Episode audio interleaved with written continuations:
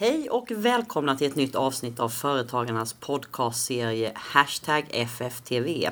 Det står för Företagande for the win och en serie samtal med företagare som pågår fram till riksdagsvalet 2014. Samtalet leds av mig, Johanna Elgenius. Och mig, Mattias Mellgren, som är från Företagarna. Och eh, Heidi, jag tänkte börja här och, och kasta mig in i, i intervjun med att fråga, kan inte du bara eh, några korta meningar berätta vem du är? Idag så jobbar jag med att starta en eh, ny app som hjälper folk att spara pengar på ett modernt sätt. Eh, sen så gör jag många andra saker också. Jag joggar och simmar ganska mycket. Ehm, och tycker att det är oerhört viktigt med att få in kod i skolan som språk. För att i Sverige så blir folk äldre och äldre och sjukare och sjukare och vi har mindre och mindre människor som ska betala pension. Eller våran pension. Då är det viktigt med att få in mer kod i skolan. Men det här är jättespännande. Vad menar du med det, mer kod? Ja, kod är ju ett språk. Det finns ju flera olika kodspråk. Och idag så ser vi ju väldigt tydligt att eh, exempelvis så betalar ju franskan inte alla räkningar alla gånger. Det är inte ett, ett effektivt språk som man faktiskt exempelvis kan använda till så mycket. Eh, även fast det är väldigt trevligt och det är väldigt fint. Och det är säkert väldigt roligt att lära sig franska. Jag tycker franska är jättefint och jag älskar Frankrike. Men vi ser ju att det skulle vara otroligt bra om vi kunde få in kod som ett språk i skolan eftersom det är ett språk som du faktiskt kan använda till någonting. Och desto fler unga människor vi har som har chansen att bygga nästa Spotify, desto bättre. Och jag tror att det skulle öka unga människors kreativitet till att bygga fler experiment. Och med kod, då, då pratar man programmering, data, kod liksom. Ja. Alltså, ja, just det. Just det. När lärde du dig din första datakod? När jag var åtta. Vad var det? Kommer du ihåg vad det var för något? Jag hade en Atari och piratkopierade spel. Jaha. Men det är pres- preskriberat nu. Ja. Och du växte upp här i Stockholm? Yes. Ja. Hur kom det sig att du lyckades få en dator när du bara var åtta? Jag fick välja om jag, vad jag ville ha. Jag fick välja om min pappa var så här, om du kan få ett Barbiehus eller så kan du få en dator eller så kunde jag få massa andra grejer. Så jag sa, nej men dator vill jag nog ändå ha. Men hur kom det sig att du ville ha en dator? Men det verkade ju så himla häftigt. Det verkade, det var liksom en stor grå box och så kunde du spela spel på den och så kunde du rita och, alltså det var ju ganska begränsat i vad man kunde göra då. Men just då så var det ju det största och det mest moderna och det mest spännande. Och jag tror att min pappa väldigt mycket sådär hade mycket prylar hela tiden som var nya. När CD-spelaren kom så var det liksom hur stort som helst. Och jag var såhär, åh dator. Ja men det vill jag ha. Då måste jag fråga här. När du var åtta, vilket år pratar vi om då? 1988. Vad fanns för dataspel på den tiden? Det fanns ett som hette Terminator. Tetris? Tetris fanns absolut. Sen så, det fanns massa. Det fanns någonting som hette, det fanns ett eh, kaliforniskt bolag som hette Sierra. Som gav ut Police Quest och Space Quest och Kings Quest. Just det. de Där man fick. Mm. vandra runt och lösa små problem hela tiden. Mm. I en egen värld liksom. Ja. Så här, ja. Och sen så fanns det något som var så för vuxna. Man fick lösa massa frågor innan man kunde börja spela som hette Larry. Eh, och jag tyckte det var fantastiskt spännande att man kunde hitta små ledtrådar och så kunde man undersöka allting på ett speciellt sätt. Med bara så att ställa frågor. Var det då någonstans du tror du la grunden till detta att du sen skulle lösa företag och eh, privatpersoner också transaktionsproblem när vi ska skriva kontakt via internet? Eller var det började det redan där? Jag, kanske, ja men det måste det nog ha gjort. Men det jag tänker är väldigt tydligt var att första gången jag såg internet när jag var 14 så hade vi en dator på min skola i när jag gick i nian. Så fanns det ett rum där man kunde gå in så fanns det ett gäng datorer men det fanns en dator som hade internet. Och vi förstod inte riktigt vad det var utan det var bara att det var nytt och det var otroligt häftigt. Och så såg vi den här datorn och tittade och så liksom var det, jag kommer ihåg att det var någon annan som kunde lite mer än mig. Och vi kommer ihåg att vi satte på den och så hände det en massa grejer inuti den och man kunde se andra saker som tydligt då var online. Och jag var så här, men jag förstår inte riktigt vad det är men jag förstår att det är otroligt häftigt. Mm. Eh, och det var, det var som ett magiskt ögonblick för mig. Och då bestämde jag mig också för att söka medieprogrammet istället för att fortsätta. Jag var väldigt duktig skridskoåkare på den tiden. Och jag kunde antingen typ fortsätta träna inför OS eller så kunde jag, men jag älskade ju dator och internet. Eh, Eller så kunde jag söka mediegymnasiet. Och då valde jag att lämna tillbaka skridskorna, verkligen så, överlämning. Eller att um, ja, söka till den linjen. Så jag såg till att jag kom in på den linjen. Och efter sommaren så gick jag in i en sal där det bara var så här fullt med Max. Mm. Naturerna fick inga råttor att skära i, eller grodor. Men vi fick jättemånga Max. Mm. Och då, samma år, så byggde jag min första HTML-sida. Och, var... och nu måste vi kolla igen här. När var detta då? då det här var 1995 måste det ha varit. För jag var 15. fortfarande verkligen väldigt tidigt. Ja. Vad, vad handlade din första sida om? Eh, vi byggde om skolans hemsida. Mm. Mm. Och det var, det var inte något snyggt alls. Men det funkade. Um, så det var spännande. Då, då, då var skapandet, hung, hunger efter att göra något nytt som var, eller vad var drivkraften bakom det här? Varför tog ni tag i att skapa skolans hemsida? Liksom? Nej, det var en uppgift. Det, det var, en uppgift, okej. Okay. Men jag tror att det alltid var otroligt kul att att skapa, att, man, att själv skapa. Alltså det var ju inte samma era som så MTV började bli lite tjatigt och ZTV började skapa egna program. Man kunde väldigt, alltså ZTV fanns till mm. överhuvudtaget. Man såg ju den amerikanska framfarten av MTV som var otroligt coolt. Det var egentligen bara några som startade sända mm. och byggde sina egna program och de var helt utflippade. Men man såg ju också tydligt att de blev mer och mer kommersiella och sen kom ZTV som var ja men, alltså om man jämför så var det ju väldigt så som MTV var i början, att de provade bara att göra någonting som var roligt men ändå väldigt medmänskligt och kul och svarade an på ungdomskulturen. Men man såg att de hittade ju själva på allting. Eh, och jag tror att då var det ju nästan som en sån här begivenhet att man ville skapa egna grejer och vår utbildning var ju väldigt praktiskt lagd vilket mm. gjorde att vi det var ju vår uppgift att vara kreativa mm. och att skapa och vi kunde sända live eh, lokal-tv mm. och så vidare. Så det låg helt i utbildningens natur att man bara skapade och testade och failade hur mycket som helst. Men att man, man gjorde grejer som man hela tiden testade och blev nöjd med. Mm. Och sen då? Då har du gått det här mediaprogrammet. Vad, vad hände sen efter, efter det här? Gymnasietiden. Då är vi nästan inne i IT-boomen va? Eller det var under IT. När jag var 17 så kommer jag ihåg att väldigt många av blev tillfrågade. Men du kan lite HTML, du kan lite Photoshop kan inte du börja jobba på byrå, du får jättemycket betalt. Mm. Och en del gjorde ju det. Och tjänade jättemycket pengar. Och jag var lite nej jag vill aldrig gå på gymnasiet igen. Jag är så himla färdig med att gå här.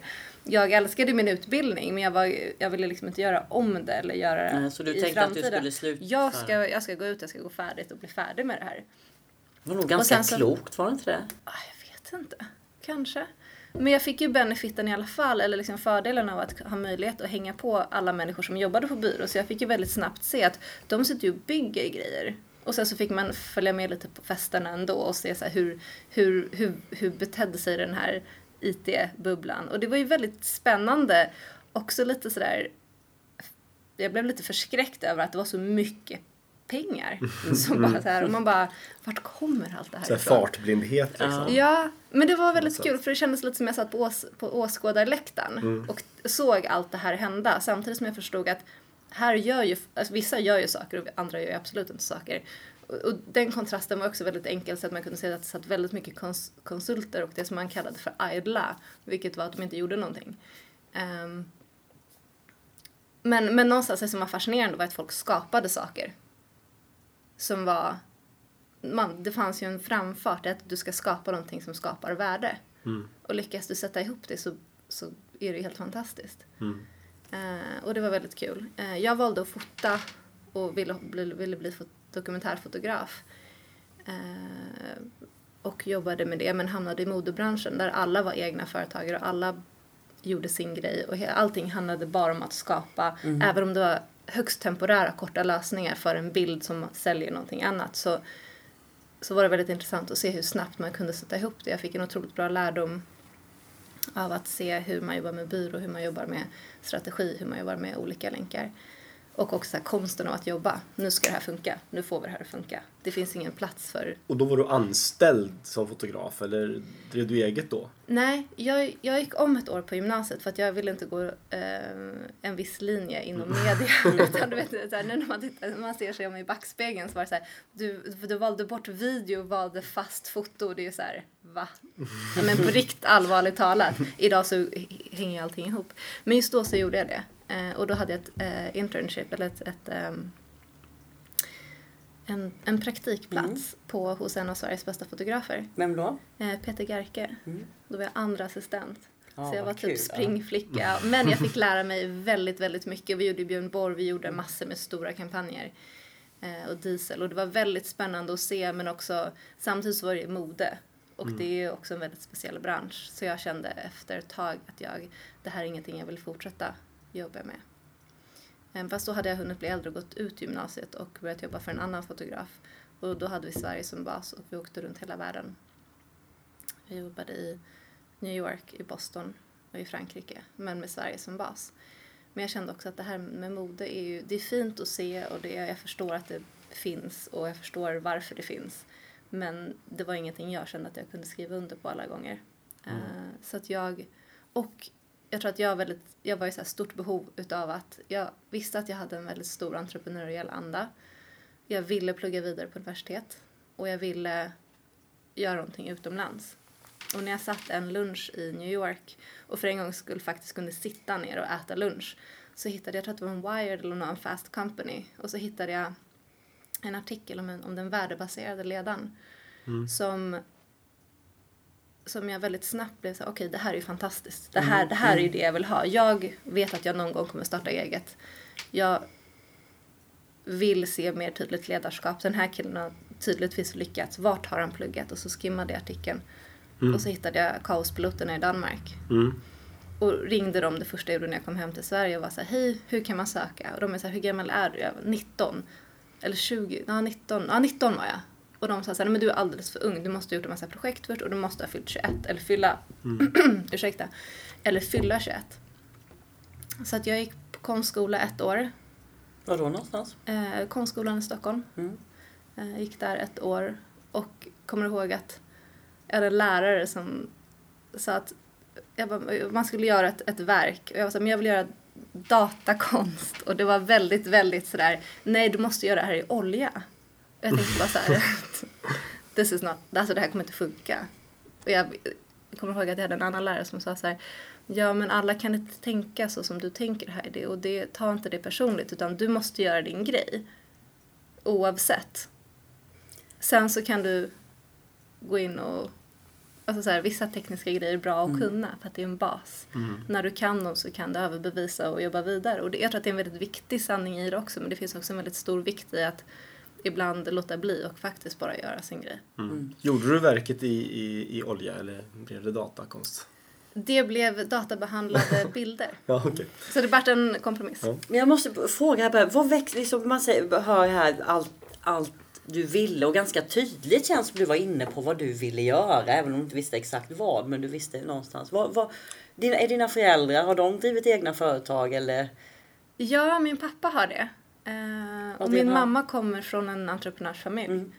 Så att mormor var ju entreprenör. Hon tog över familjeföretaget. Som sysslade med? Eh, skor. Mm. Skor och tofflor i södra Polen. Mm. Och, och mamma var egentligen utbildad arkitekt. Okej, så det var ett kreativt yrke också. Mm. Så där kan man se att du har fått lite grann av din kreativa ådra kanske om man nu får säga så. Absolut. Och sen så jag, min pappa är ju fysiolog. Men han fick inte jobb i Sverige så han startade en massa företag. Eh, För att han, ingen av mina föräldrar hade möjlighet att översätta sin utbildning till svenska för att då skulle de få läsa om sju år till. Mhm. Och de valde att inte göra det. Ehm, Och det är ju synd att det ska behöva vara så i Sverige.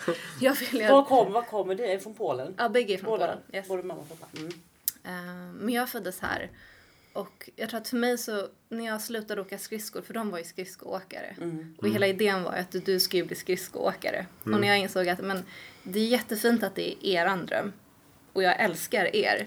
Men jag vill inte göra det här jag drömmer om någonting annat. Och jag liksom hade den här fysiska handlingen att så här, verkligen lämna över skridskorna tillbaka till dem.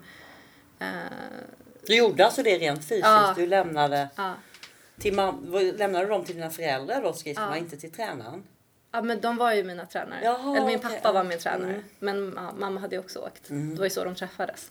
Och det är nog det största beslutet jag har gjort och då var jag 13 och ett halvt. Och jag insåg att så här, men du måste göra din egna grej annars kommer du aldrig bli lycklig. Och Stor innan- insi, ins, eh, insikt för att vara 13 år. Eh, Ja, och men fatta jag, livsavgörande beslut just i den åldern. Ja, men jag visste ju så att jag måste ju Ja. ha kul. Det där är ju, det är kul att få medaljer och det är ju väldigt trevligt på alla sätt och vis. Men jag blir inte lyckligare. Och jag kommer ju inte utvecklas, jag kommer inte kunna göra det som man ser att när folk blir bäst på någonting. Mm. Eh, Men de andra som fortsatte och tränade inför OS, de gick det väldigt bra för de har ju varit med på OS nu. Och det är väldigt så här, jag blir lycklig när jag ser det på TV så blir jag så här, heja Johan Röjler som är med i OS. Och det är så här, fan vad bra. Eh, för att han är ju rätt man på rätt plats. Men jag är väldigt lycklig när jag nu ser att jag gjorde rätt val. För jag kan ju titta tillbaka och säga så här, jag gjorde rätt grej. Jag gjorde ett val som var väldigt svårt och jag var ju rädd för att inte bli omtyckt. Jag var rädd för att inte, så här, alltså när man gör ett sånt stort beslut så är det ju väldigt svårt. Men det är ju någonstans det beslutet som ofta följer med människor och lyckan hela vägen i livet. Gör man det man verkligen vill. Ehm, så jag tror att det har följt med mig hela livet, Mm. det valet. Och, Sen Men du- hamnade du så småningom i, i Århus. Pluggade där va? Och det var Mm. utbildning där kaospiloterna du pratade om. Ja, och det är universitetsutbildning eller? eh, ja, det motsvarar en Det motsvarar. Ja, Mm. en kandidatexamen. Vad hände där då? Eh, Det var en fantastisk utbildning. Eh, Jag kommer ihåg att det var en uttagning i tre dagar med strategiska, kreativa och ja, uppgifter som man fick lösa i grupp. När man sökte så Ja. var antagningsprov. Ja.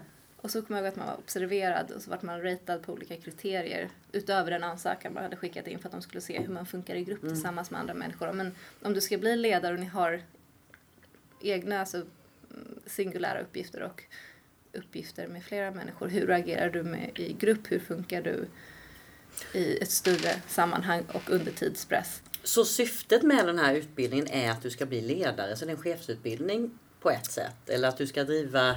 Det är en, det är en, det är en ekonomiutbildning med väldigt stort fokus på process och affärsutveckling. The School of New Business Design heter den ju. Och hur skapar du någonting som inte har funnits innan? För att management säger de är, det är någonting som har gjorts innan och det kan göras igen.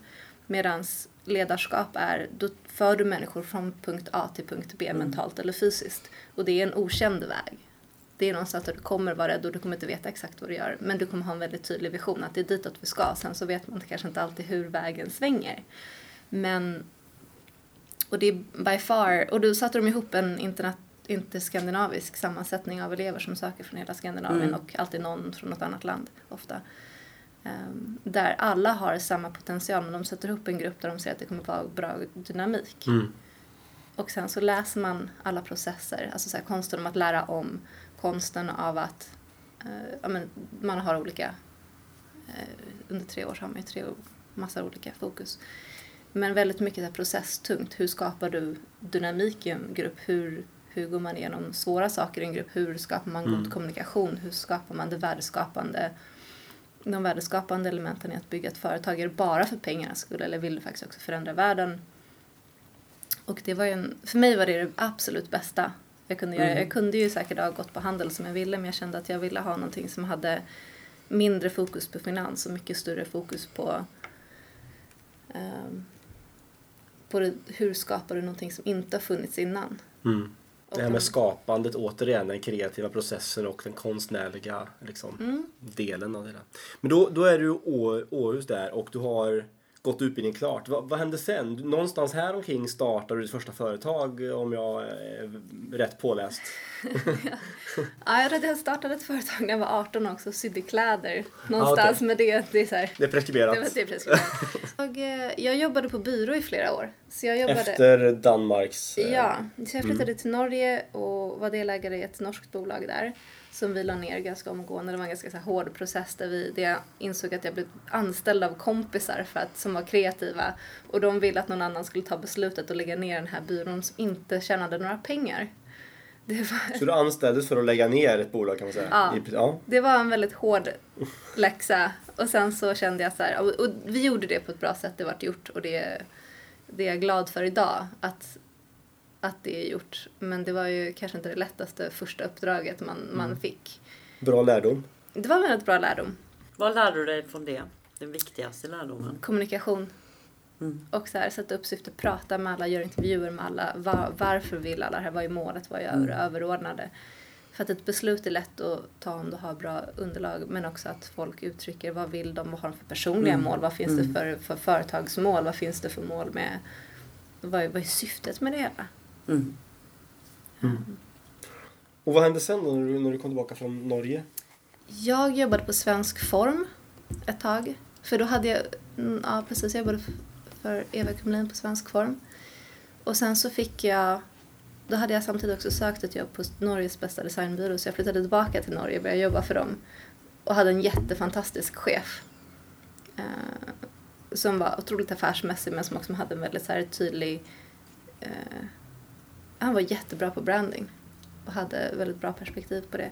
Och han försvann sen. Och så fick jag en ny chef som jag inte alls kände att jag matchade med. Jag kände att jag flyttar inte till ett annat land för en chef som jag inte får, har ett utbyte Nej. med. Det ger mig absolut ingenting. Så jag sa upp mig och flyttade tillbaka till Sverige och började jobba på en webbyrå i Stockholm. Eh, där jag jobbade ungefär ett år. Eh, och lärde mig väldigt mycket om teknik och hur det funkar på en produktionsbyrå. Men kände också väldigt tydligt att jag ville jobba mycket mer strategiskt i hur Mm. jag ville jobba. Jag gick sen över till en kund som var IFL vid Handelshögskolan i Stockholm. Där jag hade haft en, det var en av mina kunder som jag hade haft en väldigt bra dialog med. Och innan jag slutade så skickade jag ett mail till dem och sa så här, ser jag, jag, jag kommer sluta, det har varit jättetrevligt att jobba ihop men så här ser jag att ni borde göra i framtiden. De här och de här alternativen och så här ser interaktionsskissen ut och här ser jag att ni skulle kunna öka affärsflödena för hur ni, hur ni tänker kring det här. Och då ringde de som var kontakt på, på deras kommunikation och, utvecklingsavdelning till mig och sa så men du, vi vet att du har ett annat jobb och att du ska börja jobba någon annanstans, men kom hit så tar vi en lunch.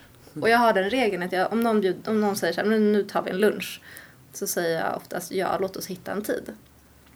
Så det är ett tips till alla lyssnare där ute. Om Ja. de vill komma i kontakt med dig så bjud på lunch. Så, så ja, eller du vet inte good to go. men, men, Boka men, in en i alla fall. Någon Erbjud. gång måste man ju ta en kopp te eller Mm. gå en promenad runt kvarteret. Och det tror jag är en, det är en bra grej. Och det, om man ska söka jobb också, det tror jag är superbra. Mm. Alltså, folk måste ju alltid vid någon tidpunkt eh, ta en fika. Mm. Man kan alltid ta en fika med folk. Mm. Och det, är- det, är fem, det är 15 minuter. Men man kan få otroligt mycket jobb. Mm. Jobb gjort på 15 minuter. Ehm, så jag började jobba där med deras digitala. Och det här var ju 2006. Det var ju precis när Twitter och Facebook och allt det här började bli stort. Och jag hade, jag hade en chef som var världens bästa. Han var faktiskt utsedd till Sveriges bästa mentor i veckan. Han är Jaha. helt fantastisk. Vad heter han? Han heter Peter Rover. Och är, han är faktiskt också uppe i Värmland nu Mm. och sitter på ett bolag där. Men han är ju så här världens finaste snubbe som blev min chef och lät mig göra i stort sett vad jag ville. Så länge det kom ut pengar på andra sidan. Mm. Så för mig var det helt fantastiskt. Så jag fick en sajt som var ganska så här, det, det råkade finnas information på det men det var ju inte i något form av så här strukturerat sammanhang. Jo, såklart att det fanns struktur på det men det var ju inte affärsdrivande. Mm, Det var en hemsida du fick jobba med. Upp, Ja. Uppdraget jobba med. Mm. Och det vi gjorde var att vi sålde företagsutbildningar för, för kanske en civil ingenjör som behöver lära sig mer om ekonomin och hur man styr ett Mm. företag ekonomiskt. Eh, en MBA eller så. Men det vi gjorde var att vi byggde om hela den här sajten. Hur fångar man en lead? Hur gör man det här på ett strategiskt sätt? Hur kan man använda sociala medier för att göra det här? Eh, och det funkade väldigt bra. Eh, och, vi, och jag jobbade där i två och ett halvt år. Eh, och redan då så började jag fundera på och jag, samtidigt så hade jag väldigt mycket kompisar som började bygga saker och som byggde saker och som Hela Stockholm var ju, jag hade jobbat på ett ställe där folk producerade grejer som de sålde vidare till stora Mm. mediekoncerner Mm. på den byrån. Det var innan. Och jag såg att väldigt många från KTH startade Soundcloud. Eh, folk, och det här var ju Erik Wahlfors. De startade Soundcloud och hade Ted Valentin höll på med studentprenumerationer som de sålde till Bonnier. Eh, Feber från Bazooka såldes till Bonnier. Och det, folk byggde grejer. Det var, det, det, tog ju så lite att skapa någonting som man sen kunde göra någonting stort med. Och som egentligen allting var ju byggt på kultur. Det var musik, det var bilder, det var information. Jag började bygga en egen liten sajt som var bara på skoj tillsammans med en kompis som jag lanserade och skickade in, även om det var Aftonbladet eller om det var Expressen. Men chefredaktören där lämnade någon kommentar och sa så här, ja typ coolt, roligt. Och jag blev så här, men shit det här är ju inte så svårt egentligen. Alltså det ska inte så himla mycket till. Mm. Du behöver inga muskler för att bygga en sajt eller en lösning eller någonting som har en... Jag byggde en så här, en grej om du har tappat bort någonting eller blivit bestulen, jag har varit bestulen av ett par, av ett par väldigt så här, dåliga skor. Fina men skor på en festival. Och då vill jag liksom skicka de här skorna till himlen. Eller sen så ibland så kanske man blir av med någonting som är dåligt och då kan man skicka det till helvetet. Så jag byggde en liten, en liten sida där man kunde skicka grejer till himlen eller till helvetet. Och det var grejen. Och det var så här superenkelt. Jag kommer aldrig bli rik på den men den var rolig. Den Det var kul. kul grej. Lo- Logga in, eller gå in på sajten, be- berätta vad du har tappat och så eh, berätta vad du tyckte om det. Bra Ja. eller dåligt. Tummen upp eller tummen ner. Ja men exakt, såhär, digital graveyard. Mm. Ja, såhär, det. släpp det, bara let the fuck go, Ja, typ så. Ehm, och sen så när jag började på Kaospiloterna också så eh, när vi gick ut Kaospiloterna så jag och min kompis drev en musiksajt, eller han drev den mest men jag höll på med marknadsföringen. Och då fanns ju inte, det här var ju innan Youtube. Då Mm. började vi live, då köpte vi en, en streamingserver och vi tog in alla Sveriges independent musikvideos och la upp dem där och så började vi streama ut dem. Vi hade så här jättemånga besökare från Japan som skulle in och titta på den här indie-musiken för att det är ju något, det är något väldigt speciellt med det svenska soundet. Men det fanns ju ingenstans att se videos. Det fanns ju otroligt mycket videos som folk bara gjorde. Och speciellt på, i Stockholm, på Söder eller överallt i hela Stockholm. Så bara pumpades det ut grejer som folk gjorde. Men de kom ju aldrig, de kom inte in på MTV längre. De kom inte in på Z på samma sätt. För att det hade blivit mycket mer kommersiellt. Så vi startade eh, Burning TV. Eller han startade Burning TV, Felix Ekenstam. Och vi hade väldigt kul när vi gjorde det här.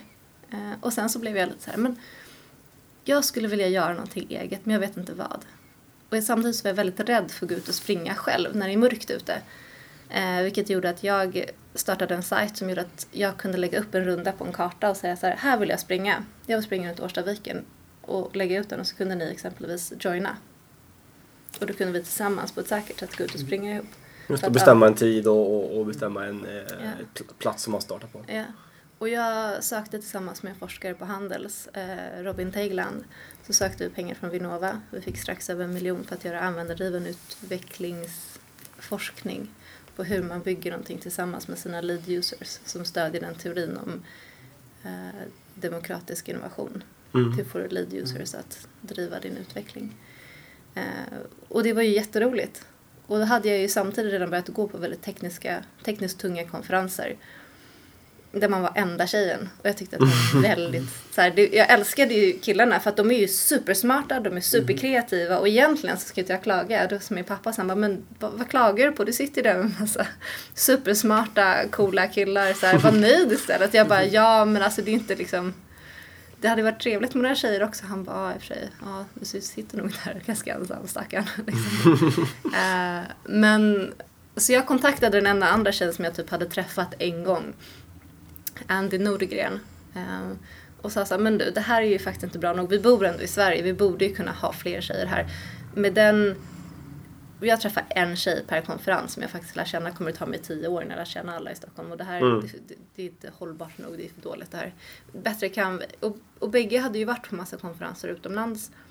Och icke-konferenser, unconferences, där det inte är lika traditionellt att det är avsändare och mottagare utan alla är med och bidrar till innehållet. Så över en öl eh, så pratade vi ihop oss och startade vi någonting som heter Geek Girl Meetup. Satte upp en blogg, satte upp en Twitterkanal och började. Och i och med att alla, det var inte lika stort då. Bloggsfären var mycket mindre och användarna på Twitter var ju väldigt mycket färre. Så att alla som redan var med var ju de som var beslutsfattande. Och det var väldigt enkelt för oss att sätta ihop en konferens där vi sa så här, hej, vill ni vara med? Hjälp oss skapa det här. Vi tänker inte göra allting själva. Om ni signar upp på det här, se till, eller vad kan ni hjälpa till med? Antingen ska ni blogga, twittra eller någonting annat. Eh, Och alla kan prata 20 minuter var, likt TED.com-konceptet. Alla kan prata 20 minuter var om sin sjukt nördiga lilla grej. Mm. alla kan göra det faktiskt. Eh, och då hade vi två rum på Handels. Och vi hade ett schema som vi satte upp på väggen. Inga så tryckta fina program eller något sånt. Det var så här, vi satte upp A4-papper på väggen. Ett, ett för varje pass och en tidslinje. Och sen så när vi, och så, och så lite dagen innan så där så var vi, jag kommer ihåg att jag var lite nervös och så tänkte jag så här, det här är lite som så här en födelsedag när man är liten. Man vet liksom inte om, någon, om det kommer någon folk på ens födelsedagsfest. Men, men det gjorde ju det som tur var. Eh, och det kom ju kvinnor som var så här, vi bara, men du står inte med på listan. Nej, men jag har jobbat med utveckling hela mitt liv och jag har aldrig någonsin träffat en annan utvecklande kvinna. Mm. Flytta på det, sa de. Jag vill bara- in. Ja, och då tänkte vi så här, men det här är ju helt rätt. Alltså det är jättesynd att det behöver vara så. Att det inte finns fler kvinnliga förebilder som är uppe på scen, i publiken, på andra stora konferenser. Men, men vi såg att det, det här behövdes ju. Hur länge, hur länge sedan var detta? Det här var 2008. Eh, När vi kom på det sen så gjorde vi första konferensen. Vi gjorde några meetups under 2008. Sen så mars 2009 gjorde vi första konferensen. Märker du att nu är kan man säga fyra år sedan. Har det hänt något på de andra konferenserna? Har det kommit fler, fler kvinnor på, på de vanliga konferenserna? Eller är detta fortfarande... Jag tror att det blir bättre hela tiden. Ja. Eh, Jag tror att det, jag upplever som att det är så för att jag nu har vi också skapat nå- ett utrymme där vi har så här en konferens per år där det är 200 kvinnor i två dagar på Tekniska museet. Så att nu känner man ju alla och det är ju fantastiskt på ett egoistiskt plan. Nu känner jag alla som jag behöver känna nästan och det är ju fantastiskt bra eh, och oerhört roligt. Eh, På de andra konferenserna har ju dialogen öppnats upp för det och, och det som jag märkte mest var ju att killar och män ville ju att vi skulle göra det här. Inte bara för att de som var i samma ålder var såhär, men vi måste ha fler tjejer, det är så tråkigt annars. Eh, men även män som var kanske en eller två generationer äldre än mig. För att de hade ju barn som var i tioårsåldern. Och, och i och med att det är då man bildar sin identitet väldigt mycket och väldigt starkt. Så sa de så här, men att det finns kvinnliga förebilder för, för våra döttrar. Att de ska ha möjlighet att så här, tycka att det är coolt. Så sj- självklart så kan man bygga en, en robot som gör något roligt när man checkar in någonstans på Foursquare. Det var ju fantastiskt. Ja men det är spännande, man hör, det, det känns du, du gör ju det, är den här, min bild som inte är en entreprenör eller har sån bakgrund, är ju den här att du ser ett problem och så löser du det och det är det som blir din företagsidé. Och då undrar jag lite, men har du, du har haft företag då ganska många, har du, le, har du kunnat leva på detta? Har du tjänat pengar på det eller har du? Min första sajt tjänade jag inte så mycket pengar på. Eh, vi lyckades utveckla och sälja ett API som kunden aldrig implementerade. Och API för den som inte är insatt i, i Ja. eh, kodspråket. Det är ett eh, applikations, application programming interface och det är, det är, man kan säga att man säljer tekniken till kunden så att de, kan, så att de slipper utveckla den själv. Men för vår del så kan vi sälja om det och sälja om det åter och åter igen. Just det. det är produkten, tjänsten liksom. Som Mm. I vårt fall, just i det här fallet så var det så. Ehm, och så det kan man ju säga att vi hade ju proof of case fast det vart aldrig implementerat. Så för mig så var det en otroligt stor sorg. Eh, för att ja, för att det inte funkade. Så vi, fick, vi kom aldrig till skott och jag hade pumpat in så mycket pengar i det här. Och Vad var det för pengar ni har lagt in i det? Eh, Delvis så var det, jag konsultade också vid sidan Ja, av hela tiden mm. och gjorde strategier för, för mindre och stora bolag och eh, talade för pengar. Ehm, och när man då har satt in så mycket pengar i ett projekt som bara, det blir bara noll, typ nästan minus. Och jag hade anställt en kille som hjälpte, men du vet det var bara så här nu i efterhand ska jag så här skratta åt det och vara så här, ah, nu har vi gjort det, okej, whatever. Men, men jag har ju lärt mig väldigt mycket.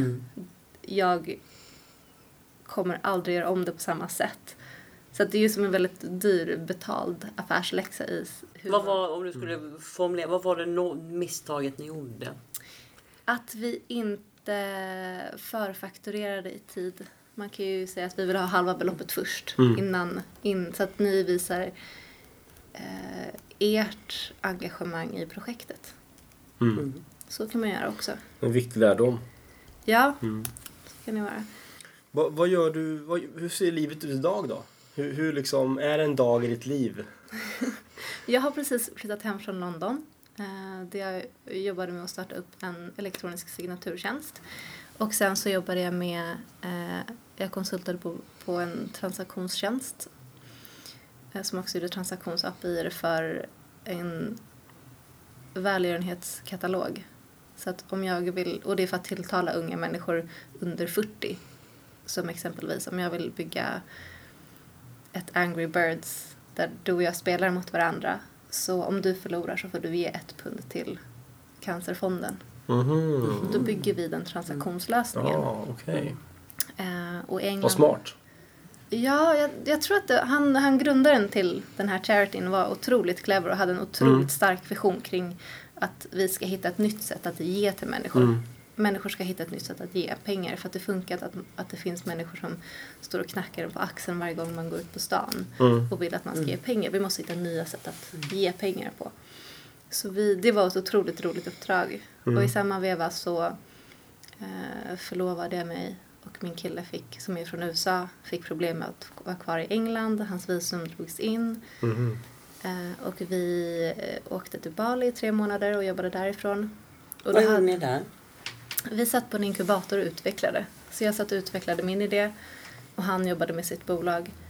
Eh, och det låter så fantastiskt men det var typ några väldigt fina villor ute på en ris på ett risplantage. Det var inte så att vi kunde gå ut. Man ser ju framför sig på stranden Ja, med pool och liksom man sitter i solstolen med sin dator och jobbar. Ja, men, Men på, så var det inte. på, på lördagar så brukade vi åka taxi. Det är, väldigt, det är en väldigt aggressiv trafik där. Så att man får liksom åka taxi. Jag tog det som så här livförsäkring. Ta en taxi till stranden så att du inte åker ihjäl dig. Ta en taxi till stranden för 30 dollar och så surfa på en lördag och sen så tar du en taxi tillbaka för 30 dollar och sen så Ja, det, det var väldigt dyrt framförallt. Eh, men vi satt där och jobbade måndag till fredag så att vi jobbade jättemycket från morgon till kväll och sen så på lördagarna så brukade vi surfa. Så det, var, det är inte så exotiskt som, alltså det är ju mycket bättre väder och det är varmt hela tiden, det är ganska Ja. skönt. Men med det så kommer också massa så här, tropiska sjukdomar och det så här, Mm. Men var det entreprenörer från hela världen då eller var det eh, indonesiska liksom, eh, företagare? Det var bägge. Det, var, det är en dansk kille som heter Mikael Bodekar som har startat en inkubator. Han har valt att han vill leva på Bali där, är, där paradiset finns. Sen så driver han tre olika bolag, eller flera egentligen, eh, men huvudsakligen tre som är vinstdrivande. Så har han eh, ungefär hälften indonesiska utvecklare och sen så har han ungefär hälften västländska som kommer från olika delar av världen, utvecklare och affärsutvecklare i bägge. Eh, och Eh, där bor det och lever en massa människor i x antal villor. Mm. Och vi var nog de första, för att han har ju bara folk som jobbar för hans bolag. Och i, i och med att min, min kille kände honom sedan tidigare så sa han så här, hej vi har en situation där vi behöver vara utanför Europa Mm. i tre månader, kan vi komma dit? Eh, och då åkte vi dit som det första paret som, eller så här första, första utom inkubators Ja. företagarna. Men fick ni, betala, fick ni bo där och, och vara där och arbeta där Mm. med era projekt och så betalade ni ingenting? Mm. Ja, vi betalade ju för kontorsplatserna. Ja. Ja, det gjorde vi. Och det finansierar ni via era bolag som, som tjänade pengar liksom Mm. via de konsultuppdragen som ni, som ni hade. Yes. Mm. Eh, så det var annorlunda. Det var ju, ja, det var ju annorlunda. Mm. Verkligen. Men nu har vi gjort det. Det var liksom inte i planen. Det var inte så att jag liksom drömt om det hela mitt liv. Men vi kunde inte vara i Europa för att han hade inga uppehållstillstånd. Och vi kunde inte åka till USA för att vi hade liksom börjat ansöka om ett fiancé-visa för mig. Då får inte jag vara i USA. Vi funderade på Chile för att de har en väldigt så stor startup-kultur och vill att startup ska komma dit. Men det programmet hade inte börjat än. Och sen så funderade vi på att göra någonting i, åka till eh, Nairobi. Eh, för att där är mobilkulturen så stark. Och, där, och jag håller på ändå på med mobila finansiella tjänster. Eh, och transaktionstjänster. Och där ser ju den kulturen väldigt mycket annorlunda ut. Jag tänkte men då kan vi åka dit. Eh, men det här blev den enklaste och mest praktiska lösningen. Mm.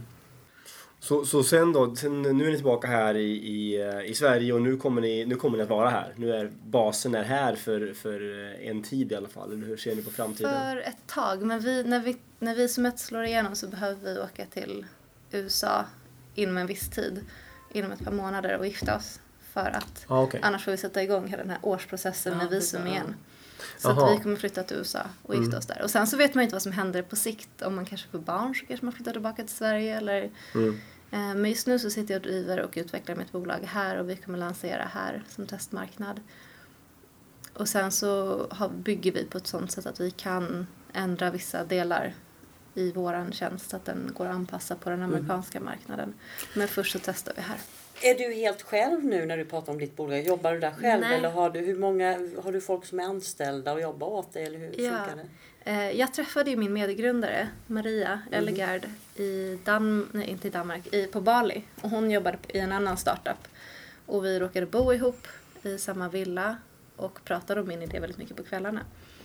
Eh, Så att vi, när hon flyttade tillbaka till Danmark för att hennes projekt gick i, på paus så, sa, så fortsatte vi att ha en del, tydlig dialog kring research, kring den här appen och hur man skulle kunna göra. Och hon, var, och hon, hon är ju väldigt olika på många sätt. Hon är ju så här backend-utvecklare och matematiker och har hållit på med så här väldigt komplicerade uträkningar och byggt stora energilösningar medan jag är väldigt mycket mer så här, mycket idéer på en gång och Mm. vet, så här, stor, ser den stora visionen och hur man ska kunna göra någonting och drar gärna iväg.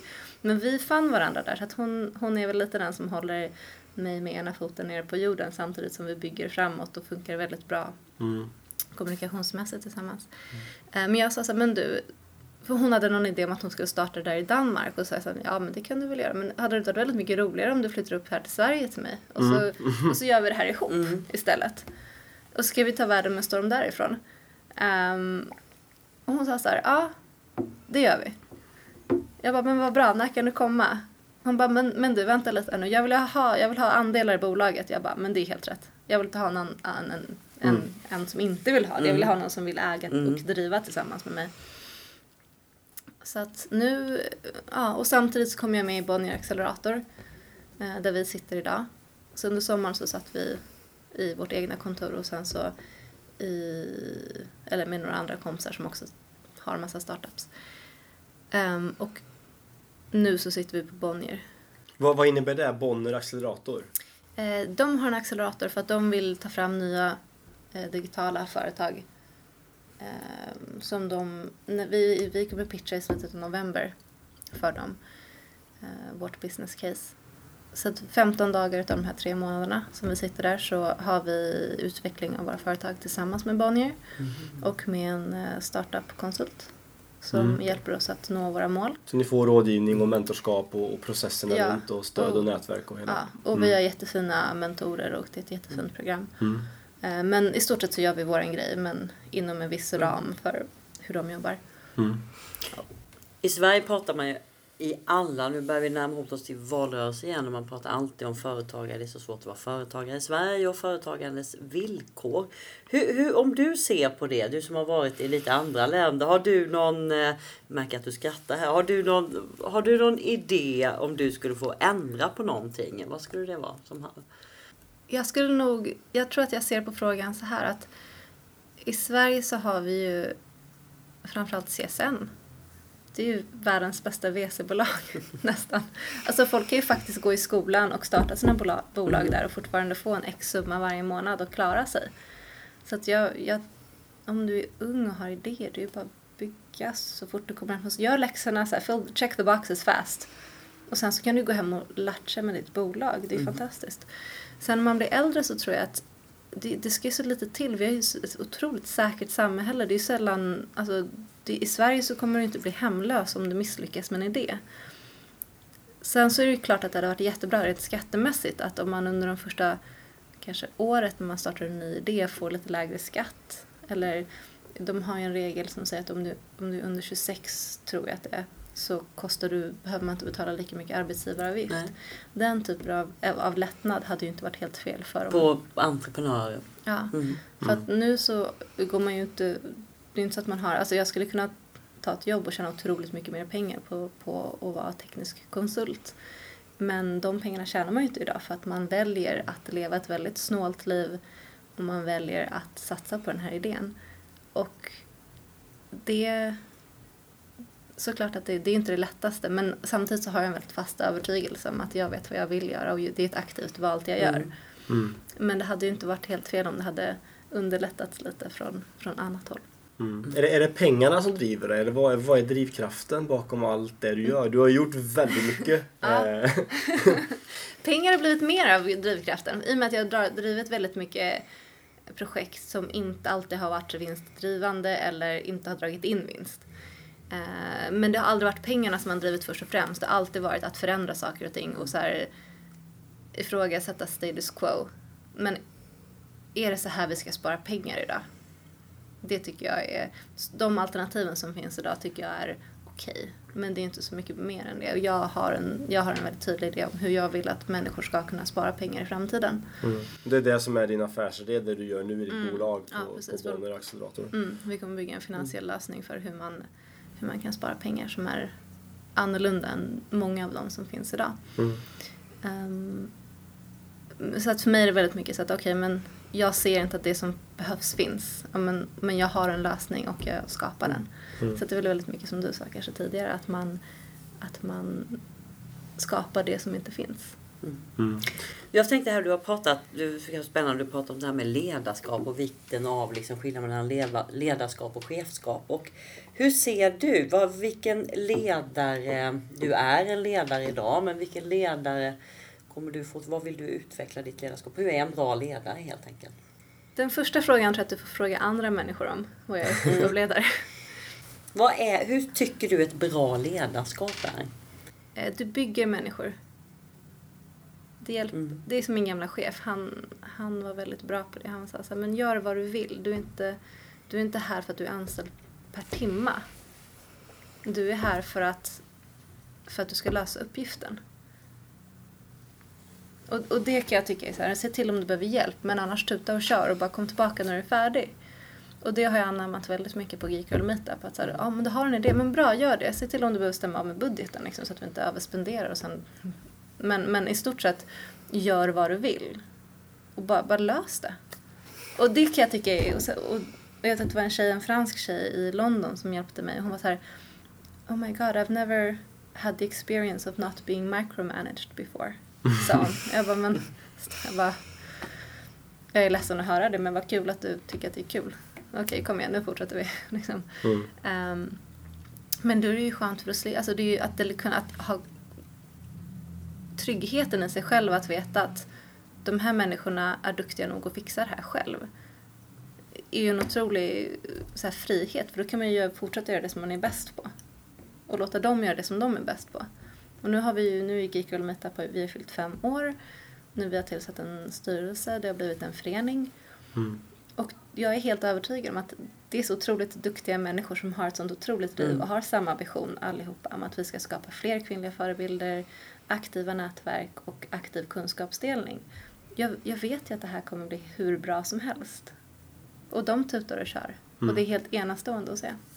Du verkar ha en så här fantastisk eh, liksom, positiv livssyn och du ser liksom inte, det finns inga Alltså man kan säga problem eller hinder men du ser det inte som något negativt, du ser det som en utmaning istället.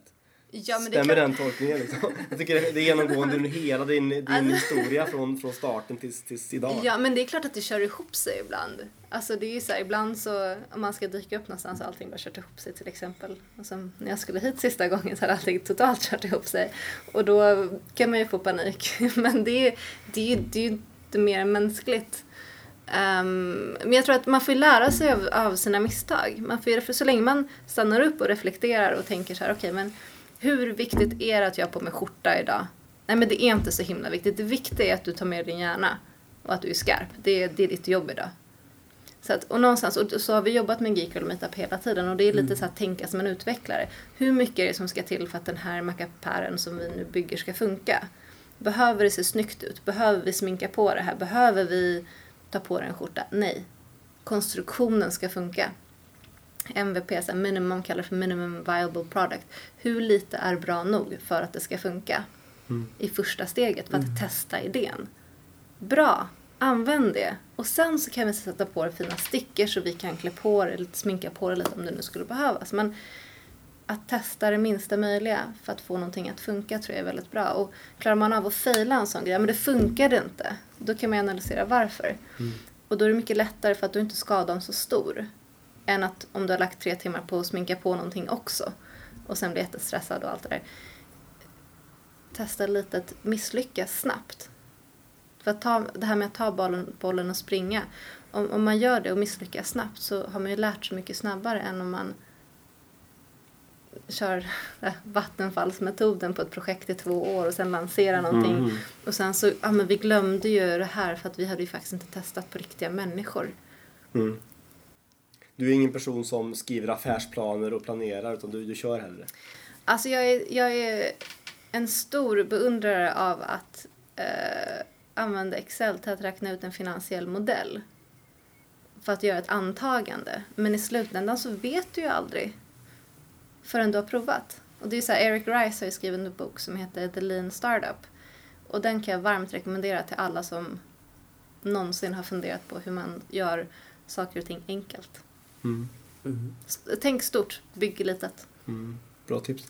Eh, en, en avslutande fråga här kanske. Om, om du, du har gjort ganska mycket inom IT och, och liksom bygga webb och applikationer och så vidare. Om du fick starta e- e- ett annat bolag i en helt annan bransch, vad skulle det vara då? Jag tror att jag skulle bli eh, sushikock. Varför då? För det är så jävla gott med sushi. ja. Men jag tror, att det, jag tror att det, det är också en sån typ av grej som tar väldigt lång tid att lära sig. Du måste, det tar ju så här 40 år att bli ordentlig. Och jag gillar det sättet att förfina en kunskap över tid och så här, bli en välrenommerad. Det tror jag. Och jag gillar, jag gillar mat. Jag tycker mat är väldigt viktigt. Så här, nyttig, näringsrik mat. Tack så jättemycket för idag. Tack själva hörni.